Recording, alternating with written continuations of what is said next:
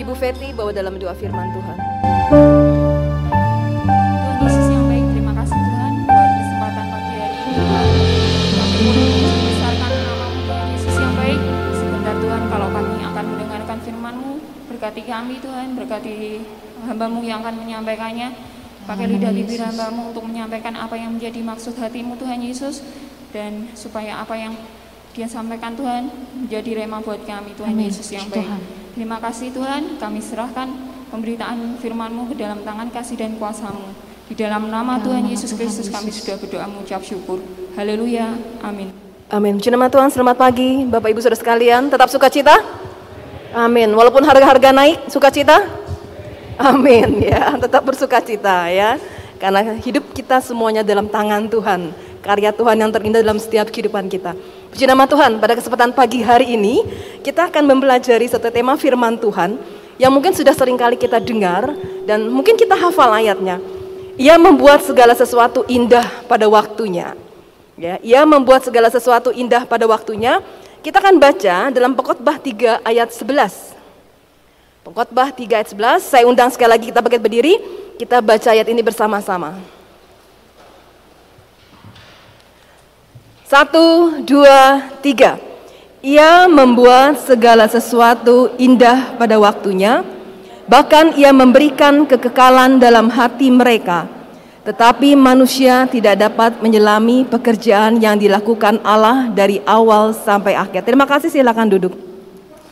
Ya, kalimat yang sangat indah bagi kita semua boleh dikatakan bahwa ia membuat segala sesuatu indah pada waktunya. Tetapi proses untuk mencapai keindahan pada waktunya itu sering kali manusia itu nggak sabar. Ya, sering kali manusia itu protes di tengah-tengah proses yang harus dilalui untuk mencapai keindahan pada waktunya. Nah, Bapak Ibu Saudara sekalian, kita ingat satu binatang ya, satu binatang yang awalnya sangat buruk gitu ya. Mungkin kelihatannya menjijikkan.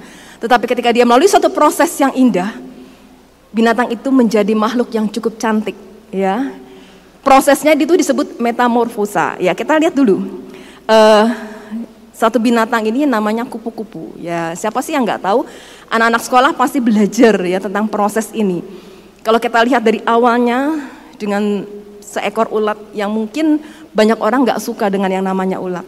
Ya kemudian dia harus mengalami satu proses dengan yang namanya kepompong dan pada satu saatnya nanti dikatakan dia menjadi seekor kupu-kupu yang indah, yang cantik, yang banyak disukai orang.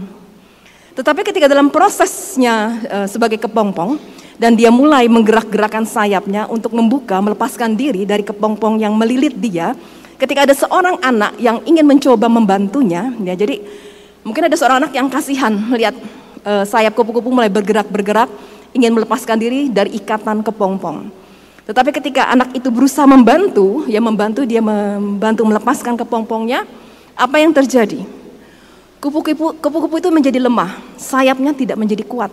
Ya dia terjatuh, dia tidak bisa menggerakkan sayapnya untuk terbang. Kenapa? Ketika proses dia harus melepaskan diri dari ikatan kepompong tadi, itu melatih sayapnya untuk kuat. Ketika dia harus meronta mungkin seperti itu ya, melepaskan diri, itu membuat sayap si kupu-kupu itu menjadi kuat dan membuat dia bisa terbang. Ya, jadi kita lihat bahwa proses yang dialami kupu-kupu ini membuat dia menjadi semakin kuat. Demikian juga dalam kehidupan kita. Setiap proses yang Tuhan izinkan terjadi dalam kehidupan kita, Tuhan pasti punya rencana yang terindah. Tuhan ingin membentuk kita. Tuhan ingin supaya kita menjadi indah. Beberapa hal yang perlu kita lihat, yang kita pelajari, bagaimana kita bisa menikmati proses demi proses yang Tuhan izinkan terjadi. Hal yang pertama adalah kesabaran. Ya, harus sabar. Si kupu-kupu itu tadi sabar, tetapi mungkin orang yang melihatnya dia tidak sabar. Rasanya ada satu keinginan yang cukup baik, mungkin bagi si anak ingin menolong si kupu-kupu untuk bisa lepas dari si kepompong tadi. Tetapi akibatnya tidak baik bagi si kupu-kupu. Ya, jadi sabar, ya sabar. Coba kita baca ayat ini dalam Pengkhotbah 7 ayat yang ke-8.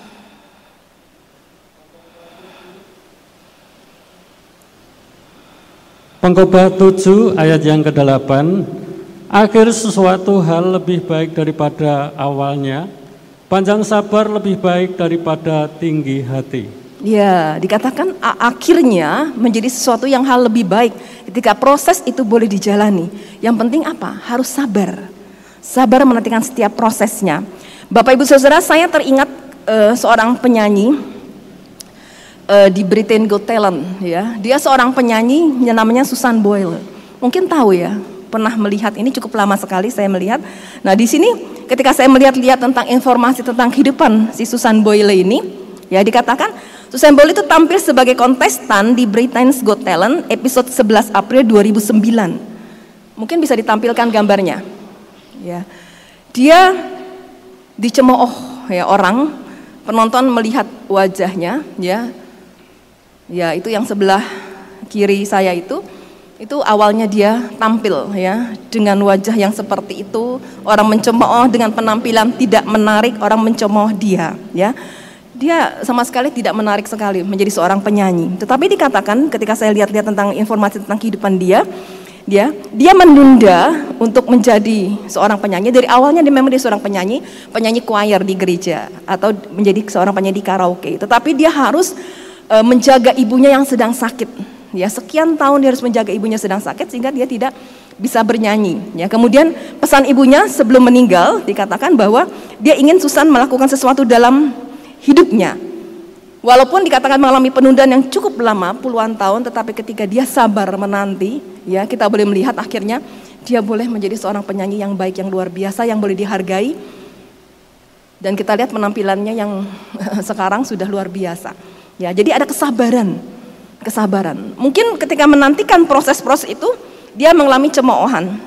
Seringkali di rumah, di sekolah, di sekelilingnya dengan teman-temannya, dia mengalami dengan kondisi dia seperti itu, ya, dia mengalami ejekan, mengalami hinaan. Tetapi hal itu tidak membuat dia patah semangat.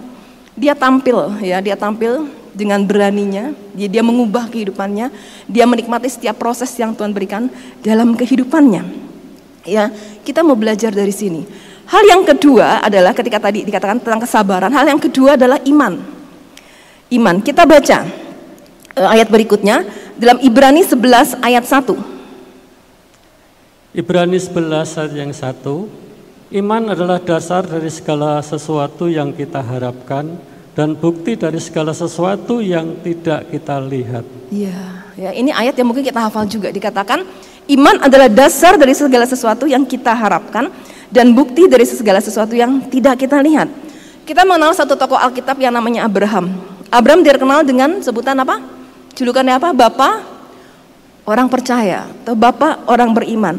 Tetapi untuk mendapatkan hal itu ada proses, ada hal sesuatu hal yang harus dijalani oleh Abraham ketika dia harus mengalami satu hal yang mungkin secara daging tidak mengenakan. Hal yang pertama adalah di awal dalam pemanggilan Abraham.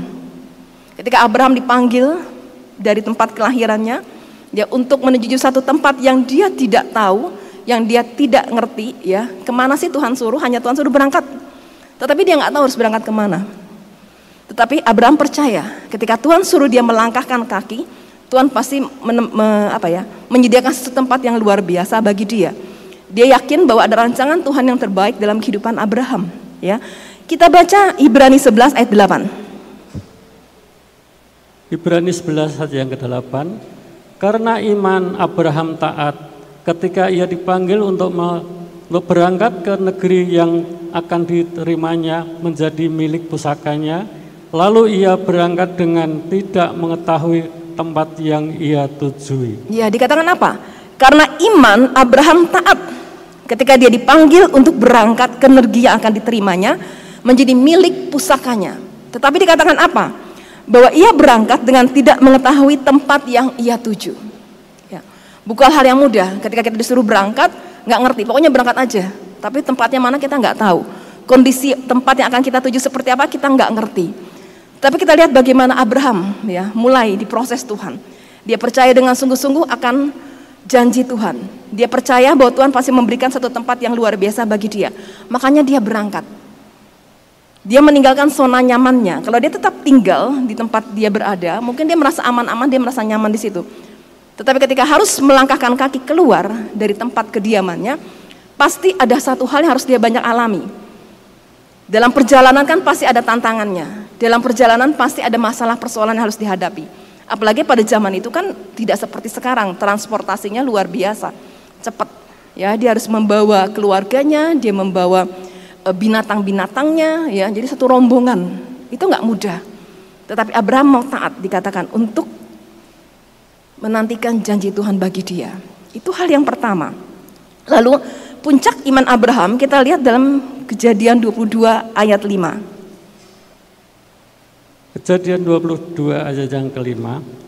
Kata Abraham kepada kedua bujangnya itu, tinggallah kamu di sini dengan keledai ini, aku beserta anak ini akan pergi ke sana, kami akan membawa akan sembahyang. Sesudah itu kami kembali kepadamu.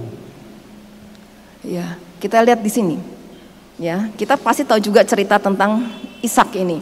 Abraham pun untuk e, mendapatkan seorang anak, ya dia harus menanti dengan sabar. Bukan hal yang e, kalau secara duniawi, secara kedokteran mungkin itu hal yang mustahil bagi Sarah untuk mendapatkan seorang anak. Dikatakan usianya sudah tua dan dia sudah mati haid. Ya, jadi bukan hal yang e, secara logikanya hal yang mustahil lah untuk si Abraham untuk menerima anak. Tetapi Abraham harus menanti dengan sabar untuk menantikan itu. Tetapi kita lihat ketika akhirnya mereka mengalami satu proses kehidupan ini, ya, dia mendapatkan seorang anak yang disebut Ishak tadi, anak yang dijanjikan Tuhan, yang dikatakan oleh Tuhan bahwa Abraham akan memiliki keturunan yang cukup banyak, tetapi anak satu-satunya ini diminta oleh Tuhan untuk dipersembahkan, ya, menjadi korban bakaran. Tetapi apa dikatakan tadi? Abraham taat ketika dia dipanggil ya untuk membawa anaknya Ishak ini. Dia berjalan ya sampai ke satu tempat dikatakan apa? Tinggallah kamu di sini dengan keledai ini. Aku beserta anak ini akan pergi ke sana. Kami akan sembahyang. Sesudah itu kami kembali kepadamu. Ya, dikatakan apa? Pembantunya bujangnya disuruh tinggal, ya. Dikatakan dia dan anak ini akan pergi, akan sembahyang, sesudah itu kami akan kembali. Ya, itu perkataan iman Abraham. Dikatakan bahwa kami, bukan aku aja yang kembali. Kan Ishaknya harusnya ditinggal e, menjadikan korban bakaran, tetapi enggak. Abraham katakan kami akan kembali. Dan Tuhan melihat ketaatan Abraham. Tuhan melihat bagaimana Abraham betul-betul nurut akan perintah Tuhan. Dia yakin walaupun Ishak adalah anak satu-satunya yang dikatakan dijanjikan Tuhan akan menjadi bangsa yang besar, memiliki keturunan yang banyak, tetapi Abraham percaya bahwa janji Tuhan pasti tergenapi. Dia tetap membawa anaknya naik ke atas. Dan ketika Abraham menikmati, mungkin kalau kita posisi seperti Abraham rasanya kan gak nyaman sekali. Mempersembahkan seorang anak kesayangan kita untuk menjadi korban bakaran. Orang tua mana yang rasanya e, tega ya berbuat seperti itu. Tetapi Abraham percaya, ini iman yang luar biasa. Ketika Abraham percaya sama Tuhan, apa pun yang Tuhan lakukan, dalam kehidupan dia. Mungkin saat itu dia nggak bertahu apa yang akan terjadi. Tetapi Abraham yakin dan percaya apa pun yang Tuhan suruh, apa pun yang Tuhan perintahkan dalam kehidupannya pasti membawa hal yang terbaik dalam kehidupan dia. Itu yang harus kita yakini. Apa pun kondisi saat kita saat ini. Mungkin secara daging kita tidak nyaman, mungkin secara hati kita nggak enak. Ya, proses yang kita alami mungkin rasanya berat. Proses yang kita alami rasanya nggak sanggup lagi. Tetapi seperti Abraham tadi, bahwa dia percaya akan janji Tuhan, bahwa dikatakan apa? Rancangan Tuhan adalah rancangan yang membawa kepada damai sejahtera. Rancangan Tuhan rancangan yang membawa kepada kebaikan. Tidak ada rancangan Tuhan yang membuat kita hancur. Tidak ada rancangan Tuhan yang ingin menghancurkan kehidupan kita. Abraham percaya bahwa rancangan Tuhan yang terbaik dalam kehidupan dia. Makanya dia berangkat, ya. Kita lihat akhirnya Tuhan sediakan domba di sana, ya. Ishak tidak jadi dikorbankan. Tuhan menjadikan semuanya indah pada waktunya. Dan Abraham mengalami hal yang luar biasa ketika Abraham mau taat kepada Tuhan. Ya, jadi proses yang kita alami mungkin hal-hal yang kita alami saat ini mungkin rasanya kok aduh Tuhan kenapa seperti ini. Ya, setiap manusia mengalami prosesnya Tuhan. Tidak ada orang yang tidak diprosesnya Tuhan. Ada yang merasa di sini selalu sukacita tidak diproses harus selalu sukacita, ya menikmati prosesnya Tuhan. Tetapi setiap manusia mengalami proses demi proses yang dialami. Kami sebagai hamba Tuhan pun mengalami proses-prosesnya Tuhan. Dari kami merintis sampai kami saat itu itu proses yang cukup panjang. Ya, enggak ini sudah saya di Salatiga ini berarti sudah 22 tahun. Eh, 12 tahun. 12 tahun ya. Kami melayani di Kota Solo itu 10 tahun. eh, penggembalaan di Kota Solo merintis dari awal. Kemudian sampai 2010, 10 tahun kami merintis di Kota Solo. Kemudian Tuhan pindahkan ke Kota Salatiga, sudah 12 tahun, nggak terasa ya, sudah 12 tahun sudah melalui, melampaui ya penggembalaan kami di Kota Solo. Perjalanan yang cukup panjang, mengalami banyak hal ya, suka dan duka bersama dengan Tuhan. Tetapi kita ketika saya dan bersama dengan Bapak Gembala mau taat sama Tuhan, ketika kami mau melewati proses demi proses, proses ada, menyakitkan, menyakitkan. Ya sering kali ada menyakitkan, sering kali rasanya nggak nyaman, rasanya secara daging itu aduh Tuhan kenapa seperti ini. Tapi ketika kami mau taat sama Tuhan, mengikuti prosesnya Tuhan, Tuhan membuat segala sesuatu indah pada waktunya. Nantikan ya keindahan itu. Ada satu pujian yang mengatakan tangan Tuhan sedang merendah suatu karya yang agung mulia. Saatnya akan tiba nanti kau lihat pelangi kasihnya. Tuhan sedang merendah setiap kehidupan kita. Melewati ketidaknyamanan, ketidaknyamanan secara daging. Tetapi Tuhan ingin menghancurkan hal-hal yang tidak berkenan di hadapan Tuhan. Ikuti prosesnya Tuhan. Ikuti tangan Tuhan yang merendah setiap kehidupan kita. Biarkan tangan Tuhan yang merendah setiap kehidupan kita. Maka kita akan lihat sesuatu hal yang indah dalam setiap kehidupan kita. Apa pun yang Tuhan kerjakan dalam kehidupan kita. Ya. Lalu hal berikutnya adalah do your best and let God do the rest. Nah ini ada satu satu tokoh motivator yang mungkin sudah sering kita tahu juga ya ya ini Nick namanya Nick Fujinic ya uh, dia tidak memiliki lengan dan kaki ya. Tetapi kalau kita lihat apa yang dikatakan di sini I know for certain that God does not make mistakes but he does make miracle. I'm one you are too Ketika dia menghadapi posisi kondisi yang secara manusia tidak sempurna dikatakan dia tahu dengan pasti bahwa Tuhan tidak pernah buat kesalahan. Tuhan tidak pernah buat kesalahan dalam rancangan setiap kehidupan kita. Dikatakan bahwa dia membuat suatu keajaiban. Dikatakan lagi, saya adalah salah satu dari keajaiban itu. Dalam posisi kondisi dia seperti itu dikatakan dia adalah satu keajaiban. Ya, dia dikatakan lulus dari universitas pada umur 21 tahun dengan dua gelar sarjana, yaitu akuntansi dan perencana keuangan. Kemudian kita kenal dia menjadi seorang motivator-motivator yang luar biasa. Ya, banyak hal yang dia kerjakan, dia sudah keliling ke mana-mana, uh, mencapai lima benua dia sudah keliling. Gak gampang ya, ketika kita menghadapi mungkin seperti ini, kondisi tubuh kita yang tidak sempurna tetapi dia katakan apa? Bahwa Tuhan tidak pernah salah dalam menciptakan dia. Dia katakan apa? Bahwa dia adalah keajaiban yang Tuhan berikan. Ketika dia, dia bisa bangkit, dia mengikuti prosesnya Tuhan, dia mengikuti apa yang Tuhan mau dalam kehidupan dia, dia dia boleh menjadi seorang motivator yang banyak membangun banyak orang-orang, yang banyak menolong orang-orang untuk bisa bangkit dari kehidupannya. Mungkin kita tidak seperti ini, jemaat Siloam yang ada di saat ini tidak seperti Nick ini ya. Kita dalam kondisi utuh, posisi tubuh kita utuh, kita sehat, ya, kita bisa bekerja. Tetapi kita mau nggak seperti Nick ini katakan, apa pun proses yang Tuhan berikan, seberat apa pun buat Tuhan tidak pernah salah. Bahwa dia akan membuat segala sesuatu indah pada waktunya. Kolose 3:23. Kolose 3 ayat yang ke-23. Apa pun juga yang kamu perbuat Berbuatlah dengan segenap hatimu seperti untuk Tuhan dan bukan untuk manusia. Iya. Ayat ini sering kali disampaikan kepada para pelayan-pelayan Tuhan, ya. Ketika kalian melayani Tuhan dikatakan layanilah dengan segenap hatimu seperti untuk Tuhan. Dalam kondisi apa pun, tidak ada alasan kita tidak bisa melayani Tuhan dengan segenap hati kita. Dalam kondisi mungkin kita sedang tidak nyaman, Tuhan berikan berikan pelayanan yang terbaik untuk Tuhan. Nick tadi dikatakan, dalam kondisi seperti itu, dia berbuat yang terbaik dengan segenap hati dia untuk bisa melayani Tuhan. Mungkin kalau sering kali ketika kita mulai sakit sedikit saja kita lalu alasan, ah tidak bisa lagi melayani Tuhan. Ketika kita mulai merasa nggak nyaman dengan tubuh kita mungkin langsung saja ada alasan, saya nggak bisa melayani Tuhan. Ya, tetapi firman Tuhan katakan apa pun juga Lakukan yang terbaik bagi Tuhan. Lakukan yang terbaik bagi Tuhan bukan hanya dalam hal pelayanan. Lakukan yang terbaik bagi Tuhan adalah ketika kita dalam pekerjaan.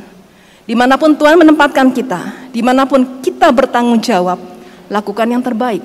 Seorang sebagai seorang ibu rumah tangga, lakukan yang terbaik sebagai seorang ibu rumah tangga. Lakukan tugas kita sebagai seorang ibu, lakukan tugas kita sebagai seorang istri, mungkin juga sebagai seorang pekerja, lakukan dengan yang terbaik. Jangan berkeluh kesah, jangan protes, jangan ngomel-ngomel ketika kita melakukan pekerjaan kita. Lakukan yang terbaik, karena kita melakukan itu untuk Tuhan. Ya, Di mana pun Tuhan tempatkan kita, apa pun posisi kita, sebagai seorang pelajar, mungkin sebagai seorang atlet, apa pun hobi yang kita lakukan, kerjakan dengan yang terbaik, dengan segenap hati. Walaupun mungkin dikatakan bos kita tuh cerewet orangnya, bos kita pelit dan sebagainya. Tetapi kita kerjakan itu untuk siapa? Untuk Tuhan. Berikan yang terbaik. Ya, Tuhan mengerti, Tuhan tahu apa yang kita kerjakan. Gak usah orang lain tahu. Tuhan yang mengerti kehidupan kita. Ya, ada seorang yang mengatakan seperti ini, di mana pun anda berada, lakukanlah yang terbaik. Artinya, bagaimanapun situasi anda, sedapat mungkin perbuatlah yang terbaik. Situasi apa pun dikatakan apa? Perbuat yang terbaik. Jangan jadi alasan. Ya, jangan kita buat alasan. Oh, nggak bisa, nggak nyaman kondisi saya di kantor saya seperti ini. Saya nggak bisa melakukan yang terbaik. Nuh, kita tahu kisah Nuh. Kondisi saat itu manusia dikatakan semuanya tidak ada yang berkenan di hadapan Tuhan. Ya, tapi Nuh dikatakan berserta keluarganya, dia menjadi orang pilihan Tuhan. Dia taat kepada Tuhan. Dia melakukan yang terbaik ketika Tuhan perintahkan dia untuk membuat bahtera. Kalau secara manusia logikanya tuh ngapain buat bahtera? Ya, nggak ada hujan, nggak ada angin, tidak juga di tengah tengah lautan. Tetapi Tuhan suruh Nuh buat bahtera yang cukup besar Gampang, enggak gampang bikin bahtera. Ya, tetapi ketika Nuh lakukan itu, dia membuat yang terbaik. Mungkin orang-orang di sekitar dia mencemooh dia, ngapain Nuh? Seperti orang gila bikin bahtera, bikin perahu di tengah daratan. Ya, Nuh bisa jadi alasan sama Tuhan, nggak gampang lu bikin bahtera yang besar. Tuhan ngapain bikin bahtera? Orang-orang itu ngejek saya loh Tuhan ketika saya membuat bahtera. Nuh tidak menjadikan alasan. Situasi kondisi apa pun ketika Nuh mendengar perintah Tuhan, dia taat. Dan kita lihat ketaatan Nuh membuahkan hasil. Proses yang harus Nuh alami, ya kerja keras yang harus dialami membuat bahtera membuahkan hasil. Dia diselamatkan beserta dengan keluarganya. Percaya, ya, ketika Tuhan menyuruh kita melakukan sesuatu, berbuatlah yang terbaik. Kita akan melihat satu hal yang indah pada waktunya nanti, ya. Jadi ada seorang kesaksian mengatakan ketika dia mencari pekerjaan, ya, di musim panas dikatakan dia berharap pekerjaan itu menyenangkan. Ketika di satu sampai tempat, ya di sebuah restoran dikatakan pekerjaannya hanyalah sebagai seorang pencuci piring. Oh, di rumah saja mungkin saya nggak pernah cuci piring gitu ya. Mungkin orang tua saya mencuci piring, ini kok nyari pekerjaan, ya seorang mahasiswa mencari pekerjaan kok disuruh malah cuci piring. Ya dalam hati mungkin dia protes sama Tuhan. Tetapi temannya mengingatkan kepada dia, kamu bisa pergi dari situ dengan kondisi marah. Ya, yang kedua dikatakan atau tetap di situ melakukan tetapi dengan ngomel-ngomel, dengan kecewa. Yang ketiga, lakukan pekerjaan itu dengan sukacita. Pilih yang mana? Ya, akhirnya dia memilih untuk melakukan pekerjaan itu dengan sukacita. Hasilnya ya sangat menyenangkan ketika melakukan pekerjaan dengan penuh sukacita. Ya. Kita juga teringat satu kisah lagi tentang bangsa Israel. Bangsa Israel dalam Yeremia 29 ayat yang ketujuh. Yeremia 29 ayat yang ketujuh, usahakanlah segala kesejahteraan kota ke mana kamu aku buang, dan berdoa untuk Tuhan. Berdoalah untuk kota itu kepada Tuhan, sebab kesejahteraan kesejahteraannya adalah kesejahteraan kamu. Ya, usahakanlah kesejahteraan kota dan berdoalah untuk kota itu kepada Tuhan sebab kesejahteraannya adalah kesejahteraan kamu. Di tempat itu itu bukan bukan tempatnya bangsa Israel. Ya dikatakan bangsa Israel sedang dijajah. Tetapi ketika dalam kondisi jajahan sebagai bangsa jajahan, firman Tuhan apa? Tetap usahakanlah kesejahteraan kota. Tetap berbuatlah yang terbaik bagi kota itu walaupun itu bukan kotamu. Ya, berikan yang terbaik. Seperti firman Tuhan tadi, lakukan yang terbaik dengan segenap hatimu seperti untuk Tuhan. Contoh lain, Yusuf. Ketika dia di penjara, ya, bukan hal yang menyenangkan sebagai seorang narapidana, tetapi ketika dalam kondisi seperti itu Yusuf melakukan yang terbaik di penjara sehingga dia boleh dipercaya oleh kepala penjara. Yusuf bisa protes sama Tuhan, Tuhan saya di penjara itu bukan salah saya, kenapa Tuhan izinkan saya di penjara? Kenapa tujuan uh, Tuhan izinkan saya difitnah sehingga saya harus masuk penjara? Yusuf nggak protes sama Tuhan, Yusuf tidak menyalahkan situasi dan kondisi yang ada, Yusuf tetap melakukan yang terbaik ketika dalam penjara. Dan kita lihat indah pada waktunya, ya Yusuf melalui proses demi proses dan dia nikmati proses itu, Yusuf akhirnya menjadi seorang raja muda. Ya, kita belajar dari banyak hal pada kesempatan pagi hari ini. Ya, jadi daripada kita hanya protes terus, kemudian kita mengeluh terus, mari belajar untuk melakukan yang terbaik. Percaya sama tangan Tuhan yang sedang merendah setiap kehidupan kita. Selama masih ada kesempatan, jangan kita buang waktu kita. Berikan yang terbaik sama Tuhan. Saya akan akhiri firman Tuhan pada pagi hari ini dengan satu kesaksian. Uh, Beberapa waktu ini tangan saya sakit sininya, Bapak Ibu, ya. Seringkali terasa nyeri. Kalau dikasih obat itu pernah dikasih obat uh, hilang, tetapi sakit lagi setelah itu. Nah, saya suka latihan kolintang. Kalau hari Sabtu bersama dengan para wanita, mari para wanita yang mau latihan angklung kolintang, sekalian promosi, bisa hadir hari Sabtu jam 11 ya. Saya belajar uh, main latihan kolintang di melodinya. Ya, uh, ketika kalau latihan kan kurang lebih satu jam. Ya, jadi mukul terus seperti itu. Nah, pada satu saat uh, tangan saya sakit, sakitnya kambuh gitu. Jadi megang uh, apa ya alat pemukulnya itu rasanya udah nggak kuat untuk mukul kolintang, sehingga saya istirahatkan tangan saya yang kiri, saya main hanya dengan satu tangan, latihan dengan satu tangan. Ya, pada saat sedang melatih dengan satu tangan, Tuhan ingatkan sama saya. Ya, Tuhan ingatkan. Uh, dan sempat saat itu saya sempat terpikir, ini gimana ya kalau kalau tangan ini tiba-tiba betul-betul nggak bisa dipakai lagi. Berarti saya nggak bisa main kolintang lagi hanya dengan satu tangan. Itu sempat terpikir seperti itu. Kemudian lalu Tuhan ingatkan sama saya sambil bermain itu, saya Tuhan betul-betul Tuhan ingatkan sama saya. Pergunakanlah kesempatan selama masih ada. Jangan pernah membuang waktu. Jadi Tuhan ingatkan ketika Tuhan izinkan saya e, sakit tangan saya dan saya tidak bisa mukul rasanya sakit dan saya istirahatkan tangan saya yang kiri ini, saya bermain hanya dengan satu tangan, Tuhan ingatkan, Makanya ya, pergunakan waktu yang ada untuk melayani Tuhan.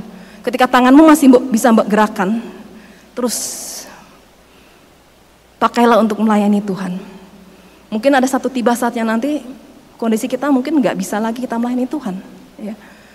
Jadi itu mengingatkan saya, yang mengingatkan saya, selama masih ada kesempatan, jangan membuang waktu. Do your best. Ya seperti tadi, lakukan yang terbaik buat Tuhan. Seringkali kita sakit sedikit, ada sesuatu hal yang tidak menyenangkan, kita sudah tidak melalui melayani Tuhan lagi. Kita pensiun, istilahnya seperti itu. Melayani Tuhan itu nggak pernah ada pensiun, Bapak Ibu. Ya, sampai usia berapapun, uh, pemain angklung yang di wanita itu ada yang sudah cukup tua. Ya, awalnya memang agak sulit dia untuk untuk untuk bermain ya usianya sudah Bu Gatot itu berapa ya usianya mungkin udah 70-an tahun ya itu ada satu eyangnya cukup tua tetapi dia semangat sekali dan paling rajin latihan. Rajin sekali. Dia main angklungnya mungkin berapa kali mesti diajarin, diajarin gitu. Itu tapi nggak apa-apa. Dia semangat sekali melayani Tuhan. Dia rajin latihan. Ya, jarang banget bolos. Awal-awal itu sudah datang. Sebelum jam 11, sekarang setengah sebelasan itu sudah duduk di situ, sudah datang. Itu luar biasa sekali. Ya. Jadi eh, pengalaman yang Tuhan izinkan ya dalam kehidupan saya ketika saya sedang berlatih kolintang itu memotivasi saya lagi. Ayo, selama masih ada kesempatan, selama tangan kita, kaki kita bisa kita pakai, suara kita, apa pun yang Tuhan berikan talenta kepada kita untuk kita bisa melayani Tuhan, jangan pernah pensiun, jangan pernah stop. Ya, jangan dengan alasan, waduh nggak ada waktu saya, waduh saya terlalu sibuk dan sebagainya. Ya, karena seperti saya katakan tadi, Tuhan izinkan saya alami itu, Tuhan ingatkan, gimana kalau tanganmu satu saat nggak bisa mbok pakai lagi untuk melayani Tuhan. Ya, Mari Bapak Ibu Saudara sekalian dikatakan jalani prosesnya Tuhan dengan penuh kesabaran, dengan iman percaya bahwa Tuhan memberikan yang terbaik dalam setiap kehidupan kita. Pakai waktu yang masih Tuhan berikan bagi kita untuk kita terus bisa bekerja dengan baik, apa pun itu, secara sekuler maupun dalam kita melayani Tuhan. Selama Tuhan berikan kita kesehatan, selama Tuhan berikan kita kemampuan, pakai itu untuk kita terus melayani Tuhan. Jangan pernah pensiun, ya. Karena kita akan melihat nanti satu rancangan Tuhan yang terindah pada waktunya. Tuhan akan memberikan hal yang terbaik dalam setiap kehidupan kita. Yakin dengan iman percaya kita bahwa Tuhan tidak pernah memberikan rancangan yang buruk dalam setiap kehidupan kita. Tuhan memberikan rancangan yang terbaik dalam setiap kehidupan kita. Puji nama Tuhan, itu dengan firman Tuhan yang saya berikan pada kesempatan pagi hari ini. Bapak Pendeta Timotius Agus Suryanto masuk di dalam doa. Kami penuh ucapan syukur Tuhan. Firman-Mu dibentangkan bagi kami bahwa Tuhan merancangkan sesuatu yang indah bagi setiap kehidupan orang-orang yang percaya. Ajarkan kami menikmati proses Tuhan dan menanti-nantikan keindahan yang Tuhan siapkan dalam hidup kami. Memberkati kebenaran firman-Mu, setiap umat-umat-Mu yang sudah mendengarkan boleh dikuatkan. Hamba-Mu yang sudah menyampaikan kebenaran firman-Mu diberkati oleh Tuhan. Hanya di dalam nama Tuhan Yesus Kristus kami sudah berdoa. Haleluya. Amin.